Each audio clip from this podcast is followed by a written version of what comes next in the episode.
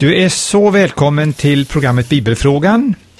Och Ruben Engdahl heter jag nu som kommer att framföra det programmet. Jag har ju varit i elden långt, långt tidigare förstås. Och lika så är det med Anne-Maj Sandström som tjänstgör som tekniker. Och eh, nu kan du dock höra det här programmet eh, två gånger till utöver den här söndagen då det sänds i originalversion får man väl säga. Och det är på tisdag kväll klockan kvart i elva och sen fredag morgon klockan kvart i åtta. Nu ska vi ta och gå till våra frågor då. Och eh, vi har en hel del intressanta frågor. Samtidigt vill jag säga det att ni alla som inte har skickat in några frågor än och ni som förresten redan också har gjort det. Ta nu och lägg på lager och då är det många frågor som vi kommer att få in på grund av allt som ni har lagrat. Det säger vi och kommer vi överens om, eller hur? Finns det något eller några av Jesu underverk som kan naturligt förklaras? Kanske allt inte är så omöjligt? Ja, det här är ju en klurig fråga. Kan något av Jesu underverk naturligt förklaras? Jag har tänkt en hel del på den här frågan men kan inte komma på något som man skulle kunna tänka sig ha en naturlig förklaring. Men förstås, allt vad Jesus gjorde är ju inte nedtecknat.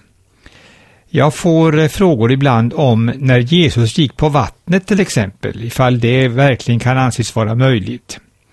Men vem kan förklara det? Om inte vattnet på sjön var fruset förstås. Och det var det ju inte. Då hade ju inte lärjungarna kunnat vara ute och fiska med sina båtar. Jag tänker på något intressant från Egypten, från eh, gammal, gammal tid. Där skrev man på, under faraonernas tid eh, med hieroglyfer, det är en sorts bildskrift. Man hade ett tecken för det som ansågs omöjligt att utföra. Och det tecknade man så här i hieroglyfskrift som två fötter som gick på vattnet. Det är ganska intressant.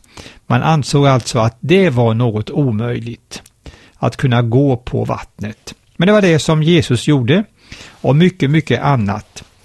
Så mitt svar blir att jag inte kan tänka mig något av Jesu underverk som kan förklaras på naturligt sätt.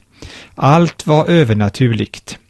Jesus visade också på så sätt vem han var, sin gudomlighet, att han var Guds son. Någon som kallar sig för en bibelläsande kvinna undrar angående Jesaja 24 kapitel och särskilt då vers 21.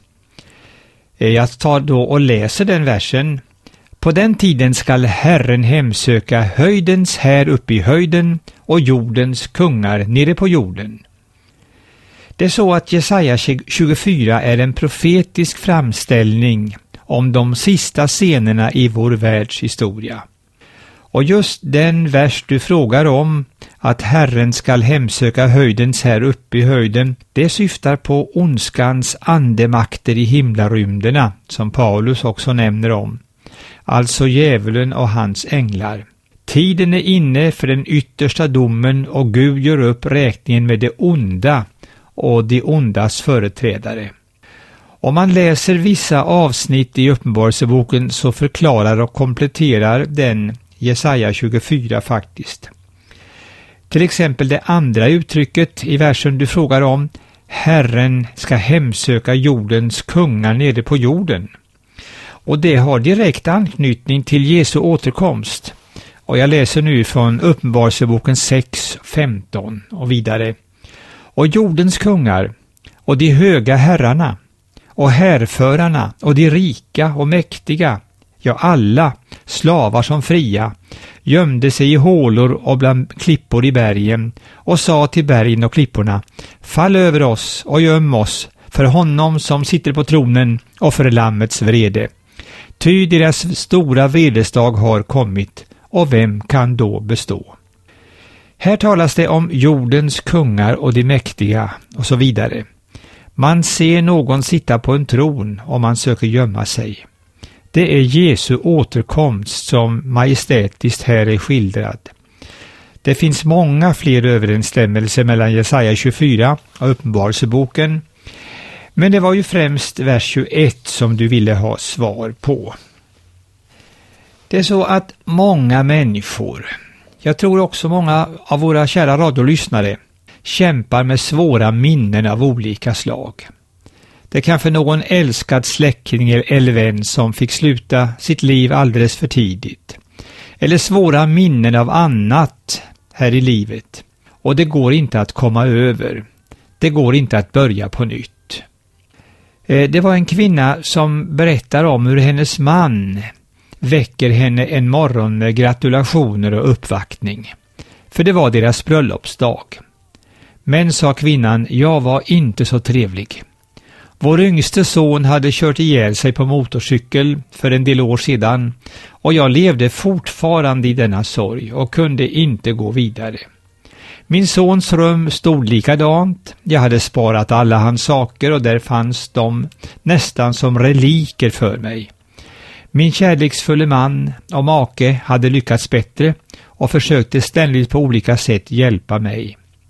Själv bad jag också till Gud om hjälp, men jag tyckte inte att jag fick någon hjälp. Berodde det kanske på mig att jag medvetet stod emot och inte ville släppa taget? En natt vaknade jag och satte mig häftigt upp. Jag hade drömt. Och i drömmen hade jag sett vår son. Han hade tittat på mig och sagt Mamma, du måste släppa taget om mig. Nu satt jag här i sängen med gåshud på armarna. Var detta ett sätt för den helige Ande att hjälpa mig vidare? Den här bröllopsdagen sa min man till mig Gör dig nu i ordning så har jag en liten överraskning. Vi satte oss i bilen och kom snart ut till ett fält och där fanns en jättestor ballong. Åh, vilken överraskning! Vi steg in i gondolen där också föraren stod. Ballongen slet och ryckte i sina förtöjningar. Jag hörde någon eh, skrika ordet ”redo” och i upphetsningen ropade jag själv också och sa ”Vad ska jag göra?” Inget, sa föraren med ett leende, ingenting, bara lita på oss. Bara man gör sig av med det som håller en fast så kan man vara säker på att man kommer att stiga uppåt. För det är ju så ballonger fungerar, sa han. Är det så för mig också, minns jag att jag tänkte och kom ihåg drömmen. Så lossades linorna och i nästa nu steg ballongen frigjord mot höjden. Och där stod min man och jag och såg saker på jorden under oss bli allt mindre och mindre. Jag kände Herren tala till mig och jag sa Herre, nu överlämnar jag vår son helt till dig utan reservationer.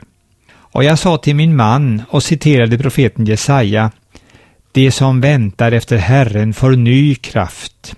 De får nya vingfjädrar som örnarna. Och jag tackade Herren och min man för en helande bröllopsdag. När jag kom hem den eftermiddagen gjorde jag i ordning i vår sons rum, där jag inte kunnat göra tidigare. Jag började vakna pigg om morgnarna. Jag ringde min församling och erbjöd mig att hjälpa till med gamla och sjuka. Jag hade fått ett nytt liv.